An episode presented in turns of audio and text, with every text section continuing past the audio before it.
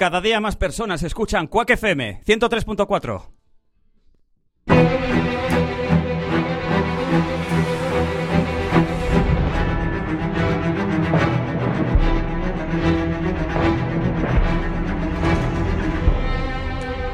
Terrorífica, inquietante y muy elegante.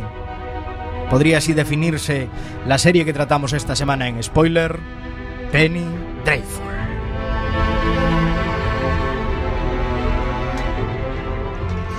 Penny es una serie de terror británico-americana creada para Showtime y el canal Sky por John Logan, y también la coproduce Sam Mendes.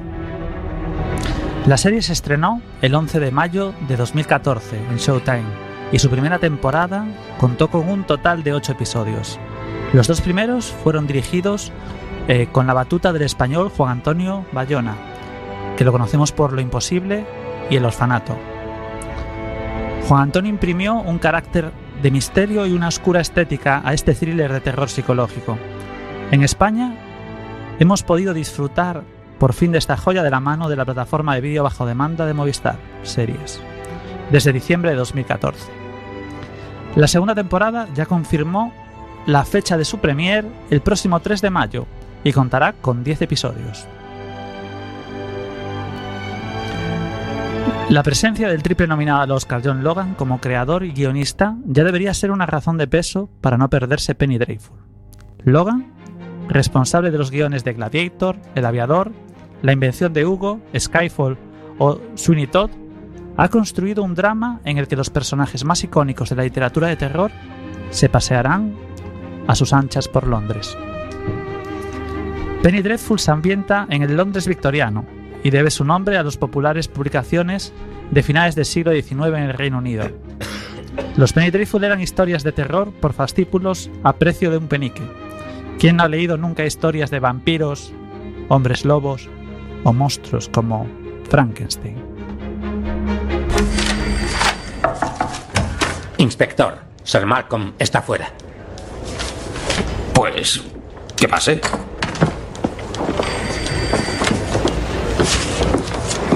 Sir Malcolm, ¿cómo está? Siéntese. Inspector, es un placer conocerle. Este es mi criado Sembene.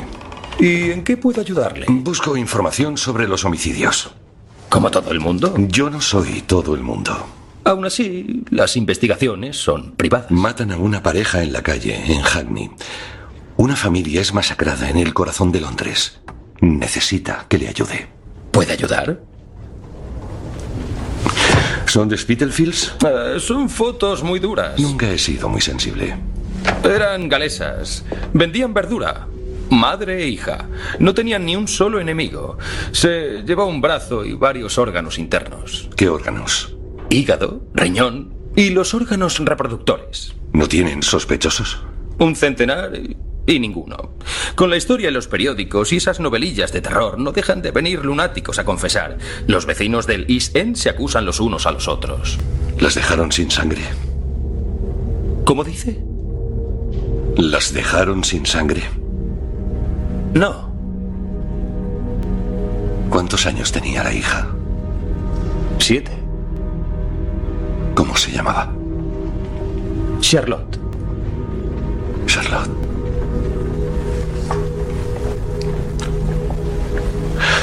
¿Es el destripador? No lo creo. Mataba a furcias. La próxima vez necesitaría ver el lugar de autos. ¿Habrá una próxima vez?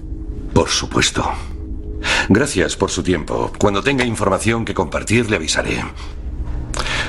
Le diré una cosa y tómesela a pecho. Si no cambia de táctica, nunca lo cogerá. Usted está buscando a un hombre y debe empezar a dar caza a un monstruo.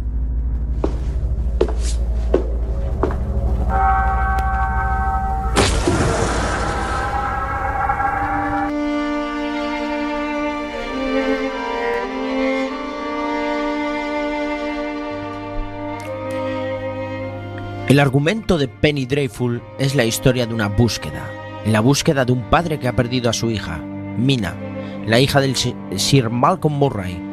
Ha desaparecido tras haber sido capturada por una criatura diabólica. Pero más allá de esta pérdida, esta es una historia de secretos y de pasados trágicos llenos de culpa. Timothy Dalton es Sir Malcolm Murray, un legendario explorador británico de la África profunda, que lo abandona todo cuando su hija es secuestrada por lo que parece ser un grupo de criaturas sobrenaturales que han colonizado los bajos fondos de Londres. ¿Estás seguro? Era ella. Era una súplica. No lo sé. Al principio había dolor en sus ojos y luego algo monstruoso. Mi amiga no te haría daño.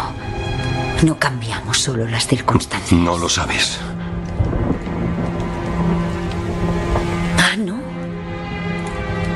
Fui la responsable? Sin mi transgresión habría pasado esto. No podrás cambiar el pasado. Ambos debemos vivir con la culpa. Después de un tiempo, acude a mí.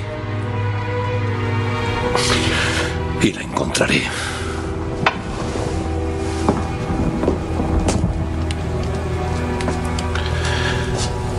Se me ha cruzado otra idea cuando estaba tan cerca, una especie de recuerdo raro. Me he acordado de una cacería de leones. Caminas entre la hierba alta observando a la presa, el lomo sobre todo, la melena. Preparas el rifle, estás muy callado. Y entonces en un segundo, el viento cambia. La hierba deja de mecerse. Y el león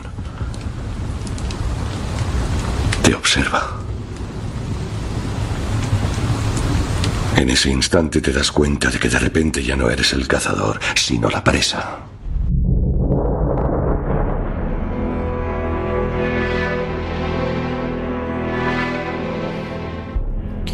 Sir Malcolm está dispuesto a llevarse por delante a quien sea, con tal de recuperar a su hija. Pero Malcolm Murray no se enfrentará solo a este universo de lo desconocido. Con la ayuda de Vanessa Ives, a la que escuchábamos en el corte anterior, recluta un equipo para salvar a su hija Mina.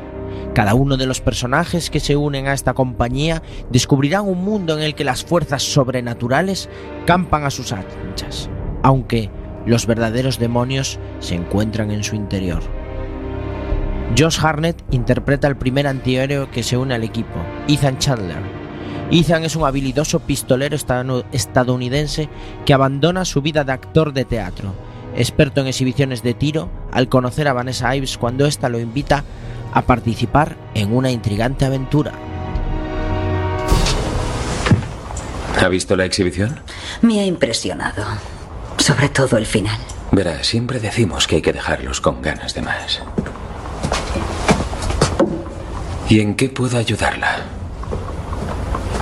En cierta tarea nocturna. Cielo, como todas. Necesitaré a un caballero acostumbrado a las armas de fuego y que no dude en participar en tareas peligrosas. O también era una fábula. ¿Usted qué cree? El reloj es caro, pero la chaqueta no. Recuerda con nostalgia el dinero que tuvo. Tiene puntería, pero le tiembla a la izquierda. Es la bebida. Por eso la deja bajo la mesa para que no lo note. Se le está curando el golpe de la otra mano.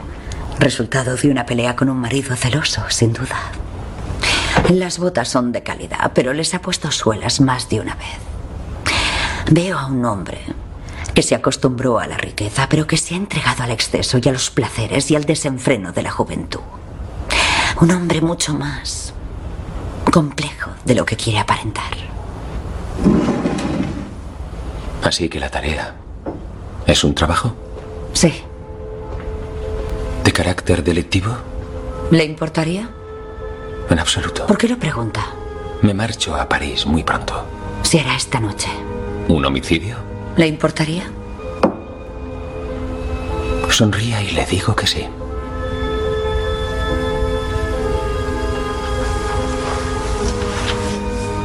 Le espero aquí a las 11 en punto. No conozco Londres. Pregunte a un policía. ¿Tiene nombre? Sí.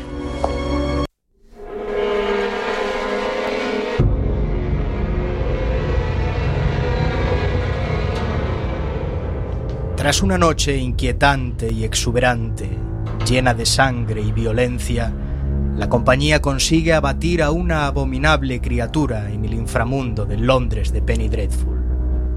La razón no puede explicar la existencia de este ser antinatural, por lo que el grupo recurre a un médico prodigio interpretado por Harry Tridway. El doctor realizará una autopsia al cadáver, pues a pesar de su desinterés inicial, no puede contentarse sin la curiosidad de lo desconocido. Señor, necesitamos una necropsia. ¿Nos ayudará? Dios. Lividez, cero. Rigor mortis, cero. Hiperemia ocular grave. Reacción ocular, cero. Malformación dental, no se da por la isotropía. La naturaleza no es tan ordenada, aborrece la simetría. La causa de la muerte es un trauma con perforación de la cavidad torácica, pero ya lo sabrán. Es imposible determinar su edad por los dientes, algo extraño viendo el desarrollo muscular. La dermis no es normal. Le faltan las glándulas secrinas en la piel. Alcánceme eso.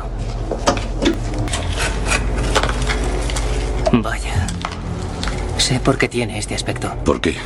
Pinzas. Porque no es piel como la nuestra. Es más bien un exoesqueleto flexible. Similar al de un crustáceo. Debía de tener fuerza. Ya lo creo. Oh, ¿Qué es esto?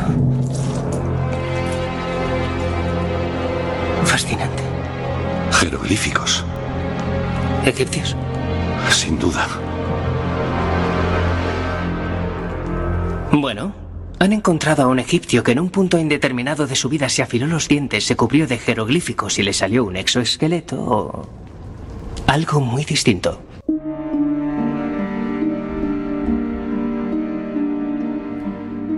Si hay una interpretación que brilla con luz propia entre el elenco de Penny Dreadful, es la de Eva Green, como Vanessa Ives. La señorita Ives y el magnetismo que irradia la convierte en el personaje más fascinante de la serie. Vanessa vive atormentada por visiones y posesiones diabólicas, pero sobre todo por la deuda personal que tiene con Sir Malcolm Murray.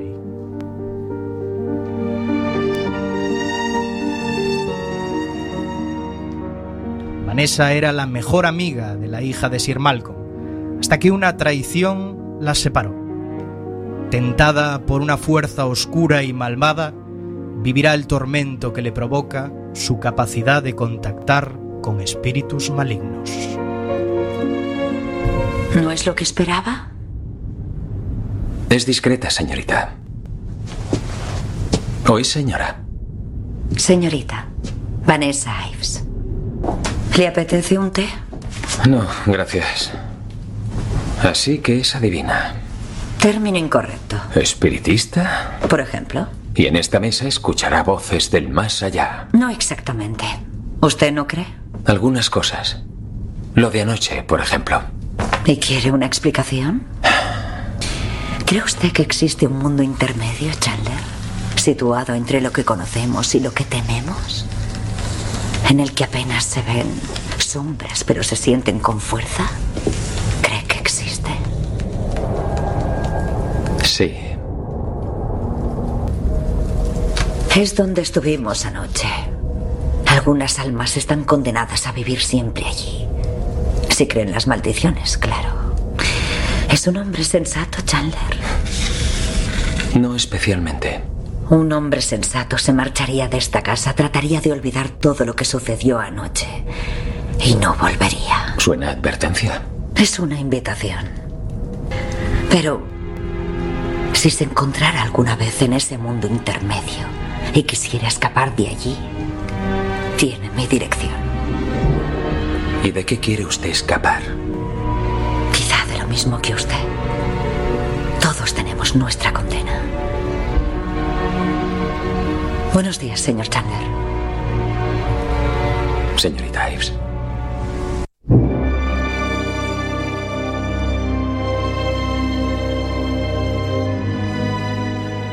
Las relaciones entre los personajes, sus secretos y sus confesiones se convertirán en poesía en los diálogos de la trama.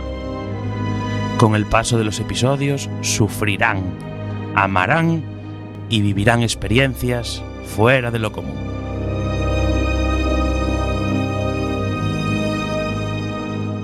Todos en Penny Dreadful son especiales. No pertenecen a nuestro mundo y lo saben. Podemos disfrutar de los mágicos juegos dialécticos en los que las palabras valen más que mil imágenes. Disfrutemos de la visión que tiene de Vanessa uno de los personajes más desconcertantes en la serie y todo un clásico en la literatura de terror. Me llamo Dorian Gray. Vanessa Ives. Un placer, señorita. He, he podido notar su escepticismo. ¿Soy escéptica? Esta sala, la Shimasegi, es un tanto agresiva y la elección de los muebles es caprichosa. En esta sala hay objetos japoneses, egipcios, balineses. Y algo que diría que es de la pantomima de Aladino. ¿Es amigo del señor Lyle? No lo había visto en mi vida. Creo que me invitó al azar. ¿Le suele suceder? Desde luego. Diga que no. Nunca lo hago. No miraba con escepticismo. Entonces, déjeme adivinar. Adelante, señor Gray. Está fuera de lugar. Más aún que yo. No es usted frívola. Observa y aprecia las cosas. La sala no se ha decorado con cuidado, aunque hay mucho que apreciar. Los objetos la entretienen un rato. No le gusta estar aquí, no se abre a esto. Sin embargo, es la única mujer de la fiesta que no lleva guantes. Sus manos quieren tocar. Y su cabeza quiere contemplar. Su corazón está dividido. Era escéptica porque creyó que iba a ser una pérdida de tiempo. Pero ya no está tan segura.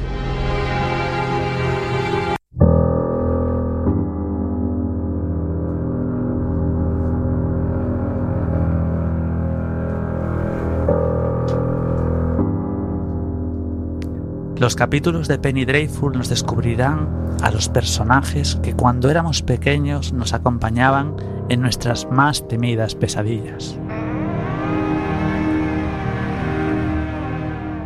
Sin embargo, también conoceremos su lado más humano. Nos transmitirán sus inquietudes, conoceremos sus ideales, sufriremos sus pecados e incluso acabaremos empatizando con alguno de ellos.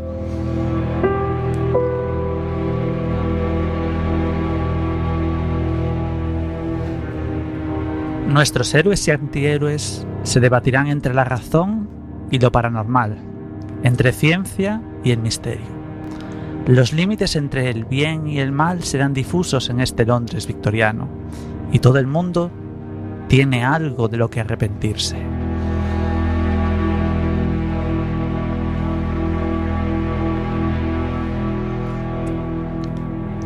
En Spoiler nos preguntamos, ¿Qué personajes de la literatura de terror se dejarán ver en Penny Dreadful? La serie jugará con nosotros para que intentemos identificar cada nueva aparición de un personaje.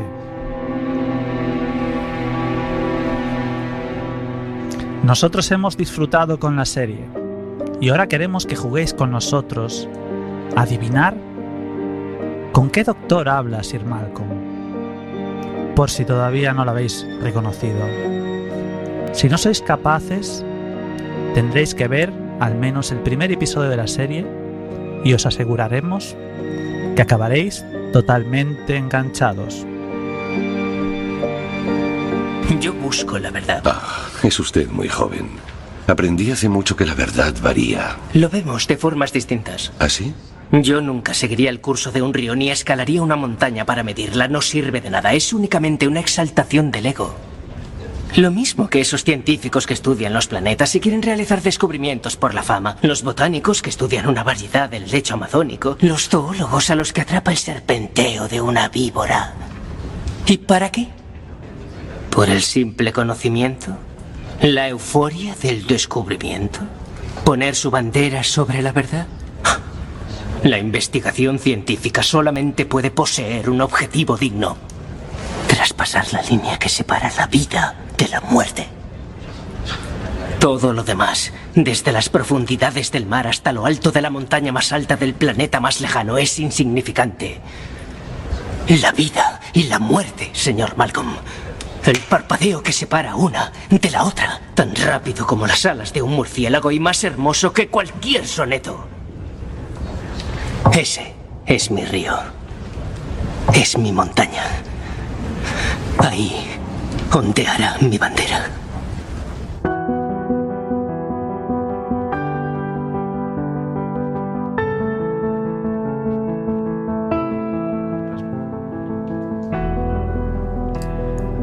Inquietante, cuanto menos, esta serie, Penny Dreadful.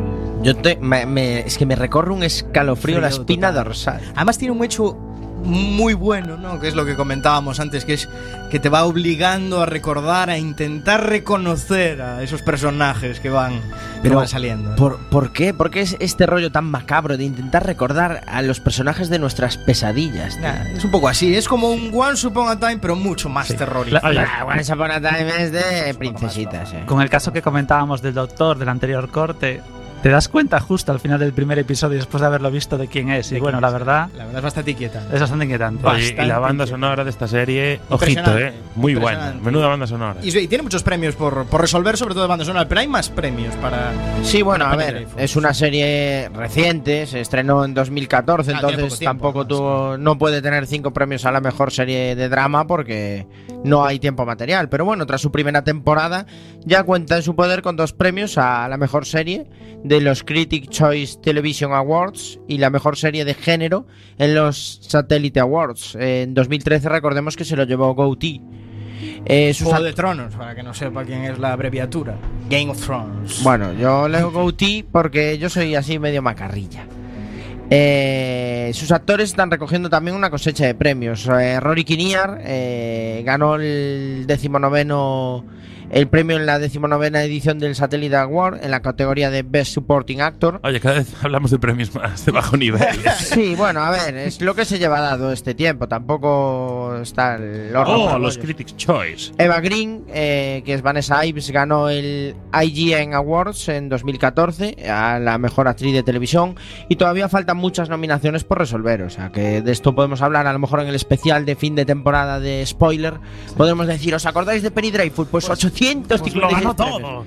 Y está pendiente, pues eso, sobre todo lo que comentabais, ¿no? Los premios eh, Banda muy sonora. nominada en todo tipo de certámenes a los premios a la mejor banda sonora original. Tiene muchos temas. Que si nuestra audiencia lo pudo escuchar a lo largo del programa, la banda sonora es espectacular. Y algunos lo tiene que ganar la gente de la ambientación, porque la ambientación de la serie es impresionante y los efectos especiales, la verdad, parece que estás allí en ese Londres de, de época con los Una trajes. fotografía muy cuidada, sí. es cierto. Oye, la banda sonora hay que decirlo, es de cagarse.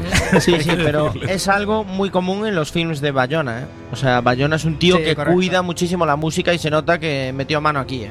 Sí, cada personaje tiene su leitmotiv, su, su música siempre igual, va a entrar, sabes que va a entrar porque ya sabes su música. Sí, Claro. porque además es algo de lo que no hablamos mucho en las series, pero la banda sonora hace Sí. un 20-30% de la serie es la banda sonora, hay que En, reconocerlo. algunas un 60. En pero- alguna- claro, la- Sí. como en episodes. bueno, pues vamos con alguna anécdota y curiosidad de esta serie. Sabéis que como creador, John Logan nunca había escrito una serie de televisión antes. Y en lugar de escribir un esquema del guion, escribió directamente los dos primeros episodios. Así, porque le salió él así. Tenía ganas de trabajar, ¿eh? Claro, le moló. Recordar a nuestra audiencia John Logan, guionista de Gladiator. Hombre, por supuesto. O El Aviador, ¿eh? Hombre, de no es po- peliculones. No es poca cosa. Y ganó un Golden Globe por eh, Sweetie Tool, esta, la de. Sweeney Todd. Sweeney Todd. Sweeney Todd, sí. Y claro, cuando tuvo la opción de, de presentárselo a la productora Showtime, claro, le entregó una especie de Biblia de 40 páginas con la exploración de todos los espona- personajes, la historia que los de Show- Showtime esperaban un, un, un esquemilla pequeño como le entrega a todo el mundo y claro, flipar, ¿no? el tío ya había desarrollado todo. Yo pagaría por ver la cara del tío si le dijeran, no, no es lo que buscamos. Qué bajón. Showtime, que no sé si recordáis. Bueno, Showtime es la, la creadora de Dexter. Que yo Y creo de que eso Episodes. fue- Episodes. Bueno, Con eh, eh, magnífica banda sonora de móvil. Pero yo creo que su gran éxito fue Dexter, ¿no? Sí. Sin Precedentes. Pre- Penny Dreyfus puede ser su próximo gran éxito. pero también es conocida por series históricas, ¿no? Yo creo que los Tudores de Showtime. Ah, los. Tudor. Los sí, sí, Tudor. Grandes pilas. Correcto, correcto. Los Energizers. Yo, si me lo permitís, quería apuntar. Por ejemplo, me encanta la serie, por ejemplo, las metáforas que tra- trabaja con la luz, ¿no? Que los distintos personajes. Ahí suena Dexter de fondo. Ay, ¿Cómo, cómo nos prepara Alex, eh? Es un encanto este chico. bueno, un ejemplo, por ejemplo, son las escenas donde aparecen las superficies de, de los espejos. Cómo trata el el reflejo de los personajes, ¿no? Que vamos a ver, por ejemplo, que los personajes que sean más o menos buenos o que tienen un poco un fondo bueno, porque realmente no hay un personaje que sea bueno o malo en Penny Dreadful. Bueno, sí, los vampiros son malos. Hombre. siempre. Pero no siempre son malos. Bueno, a veces parecen buenos. Entonces veremos, por ejemplo, cómo trabajan las luces oscuras con los personajes negativos, las luces blancas en los reflejos eh, positivos. Entonces, bueno, y sobre todo con los personajes de dos de las protagonistas de la serie, que son Vanessa, Vanessa Vanessa, Ives. Y Mina, la hija, ¿no? que también aparece en alguno de los episodios, por si la encuentra, ¿no? Ya hemos dicho, la fotografía Muy está muy cuidada, la fotografía muy, muy cuidada. Es una de las cosas, a ver, juega con eso, es llamativa en ese sentido Hombre, la claro. serie, claro. Sí. De guion, Hombre, a ver, es que. tampoco hemos descubierto mucho. No, Bueno, pero es que vamos a ver, una serie de este estilo. es un poco sí- más clichés los guiones. Si esta, esta serie de este estilo no le trabajan bien la banda sonora y la fotografía, fotografía estás esto perdido, te claro. cae la serie entera. Y es, es crear ambientación, es prepararte para el Claro, susto que te va a llevar Exacto, cuando... exacto. Exacto. Claro, o sea, luego es como una chica por la noche, sale perfecta. Luego en casa, cuando ya se desmaquilla, ya le ves los defectos. Pero la puesta en escena es impecable. Bueno, eh, a mí esta serie también me toca algo que es una de mis debilidades frikis. Y es que la serie cuenta con cu- nada más y nada menos que cuatro pupilos de la saga de James Bond. Oh, Está, está Timothy Dalton, que es el que es En el- concreto, hombre, Timothy Dalton, que interpreta Hombre. a James Bond, que para mí, mm, un peldaño por debajo de Sean Connery, que es James Bond, están a la par Timothy Dalton y Pierce Brosnan. Al resto, rubitos y demás, habría que aniquilarlos a todos. Sí, sobre todo el último, Daniel Craig, que es sí, insoportable. es porque es, insoportable. es anti-Bond. Es, es que es peor que el australiano ese que hizo una sola, tío, que ya no sé ni cómo se Bueno, llama. no nos dispersemos con. James Bond porque podríamos Otro día estar aquí. hacemos un. Está, James Está Eva Green. que Ay, por inter- cierto, una serie de James Bond, ¿no la veríais? Sí, por Sí. supuesto. Sería interesante, ¿eh? Desde aquí pedimos a la productora Pedimos de James Bond, James Bond. serie de James Bond. Netflix, por que tanto te queremos, haznos una serie de James O Bond. Showtime. o ¿Por quien qué quiera. tantas de Sherlock y tan pocas de James Bond? Por ejemplo. Por claro. ejemplo. ¿Eh? Bueno, también tenemos a Eva Green, que interpretó a la chica Bond Vesper Lind, a Helen McCrory, que interpreta a Claire Dowar, y Rory Kinnear, eh, que interpreta también a Tanner en la saga de James Bond. Así que O sea, bueno, podríamos Ah, decir. Además son actores eh, actuales de la saga. claro, aparte podríamos decir que Penny Dreadful es prácticamente como James Bond.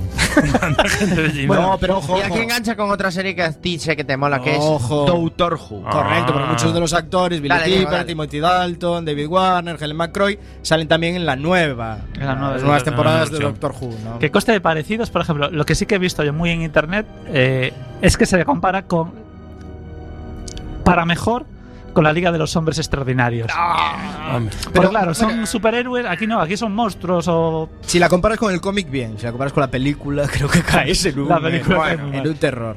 Yo temo, temo. Voy a, voy a, me voy a aventurar un poco. A lo mejor Aventúrate. toco las sensibilidades de algún oyente. Toca, toca. Eh, Estamos en la radio y nadie nos ve. Yo tengo miedo que esto se convierta en un Buffy cazavampiros. No lo toleraría. No, Buffy no cazavampiros. Buffy solo hay una. Sabía que iba a haber defensores. de Buffy solo hay una. aquí. A ver, yo soy, soy muy crítico con Buffy Cazavampiros, pero últimamente los comentarios que he escuchado sobre la serie es que realmente, si la seguías, era muy buena. Bueno, Y que llegaba. Bueno, bueno. A ver, ¿qué va a decir alguien que sigue una serie de 256 episodios que es mala? Entonces le dan por todos lados, tío. Yo por el momento no le he dado la oportunidad. Pero sí que quería comentar, por ejemplo, alguna algo de la ambientación. ¿no? Por ejemplo, el capítulo de hoy lo hemos titulado El Gran Guiñol, ¿no? correcto. ¿Y qué era el Gran Guiñol? Pues el Gran Guiñol era. Aquí lo veremos en, en la serie, es un teatro que lo sitúan en Londres, aunque realmente el original estaba en París y se dedicaban a interpretar todos los días interpretaciones de pues de cosas totalmente macabras, muertes, eh, asesinatos, pff, actos sexuales con animales, eran todas las burradas que te puedas imaginar. ¿no? Pero eso no es una borrada, ¿no? Sí, pero bueno. Y, y esta gente de Gran Griñol, pues, por ejemplo, es, es conocida, por ejemplo, una de las actrices que interpretaba allí fue la, la persona que más veces murió delante, en, el- en el escenario, que había muerto sobre unas 5.000 veces delante del escenario. Todo- todos los días la mataban varias veces. ¿no? Y entonces, bueno, la ambientan en esta época de Jack el Destripador y realmente este teatro, por ejemplo, es de finales del siglo XIX y principios del XX. Tuvo mucho éxito en su época porque a la gente le gustan las cosas muy macabras, ¿no? Y entonces, bueno, eh, todo lo que era Gran Guiñol era terror y bueno, vamos a ver un poco la ambientación de realmente que lo, utilizan como herramienta para transmitir ese terror en esas interpretaciones y veremos a personajes de terror trabajando realmente en ese Gran Griñol, cuando realmente son monstruos en esta serie. Joder, pues qué guay. Oye, por cierto, que antes me olvidé cuando hablé de la productora de Showtime, y es que esta serie, sus dos primeros episodios, se emitieron en vídeo bajo demanda a través de la plataforma de, de Showtime. Joder, que es interesante que una serie empiece en vídeo bajo demanda. o No, es sea, interesante que todas las series empiecen a tomar esa tendencia. Bueno, pero es muy interesante. Y ahí volvemos a recurrir a Netflix, que siempre es nuestra querida, Querida y amada Ya- en ya este quedan menos. Ya Ya quedan visto. En Quack FM, cachos de pelis.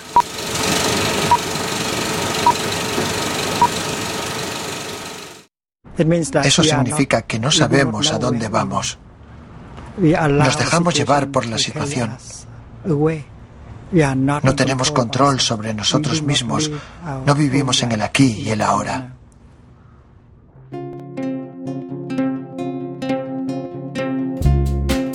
Sempre está a Estas folhas mortas vão cair na estrada Vão apodrecer Faz a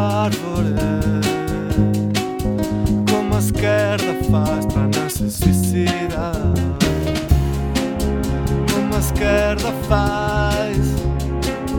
Aparece um rio de água limpa e fresca Eu não quero nada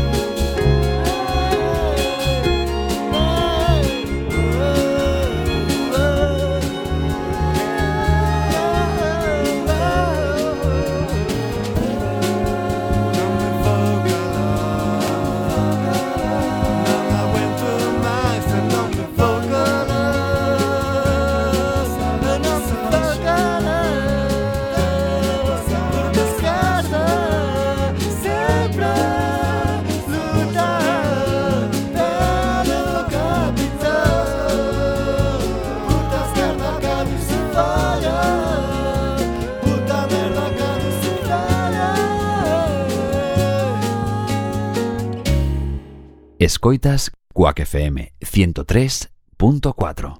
Nada que ver. Emisora comunitaria de A Coruña, a emisora dos cidadáns.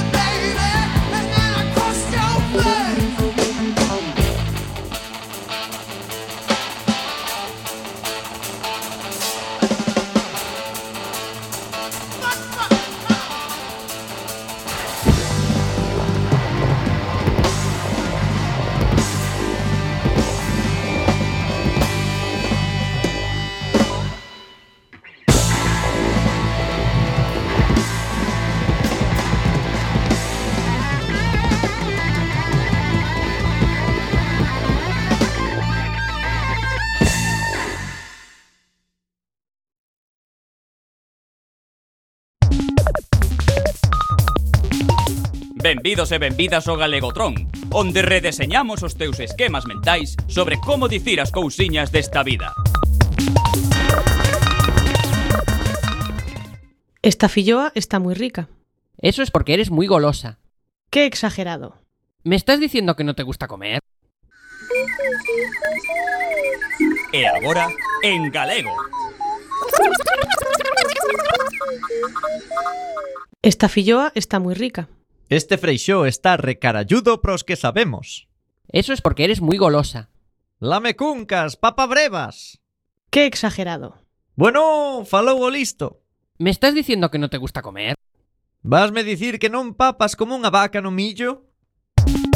Galegotron, o espazo onde o que dice o que é soan distinto, pero son o mesmo.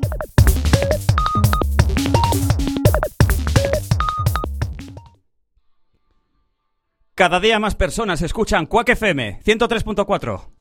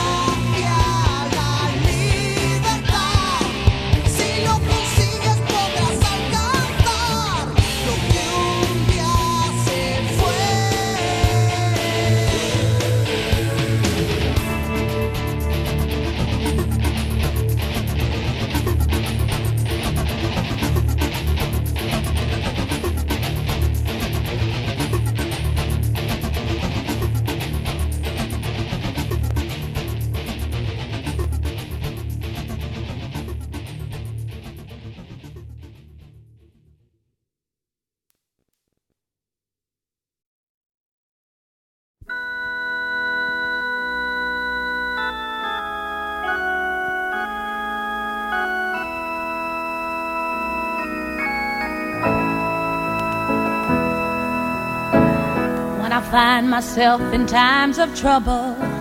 Mother Mary comes to me, speaking words of wisdom. Let it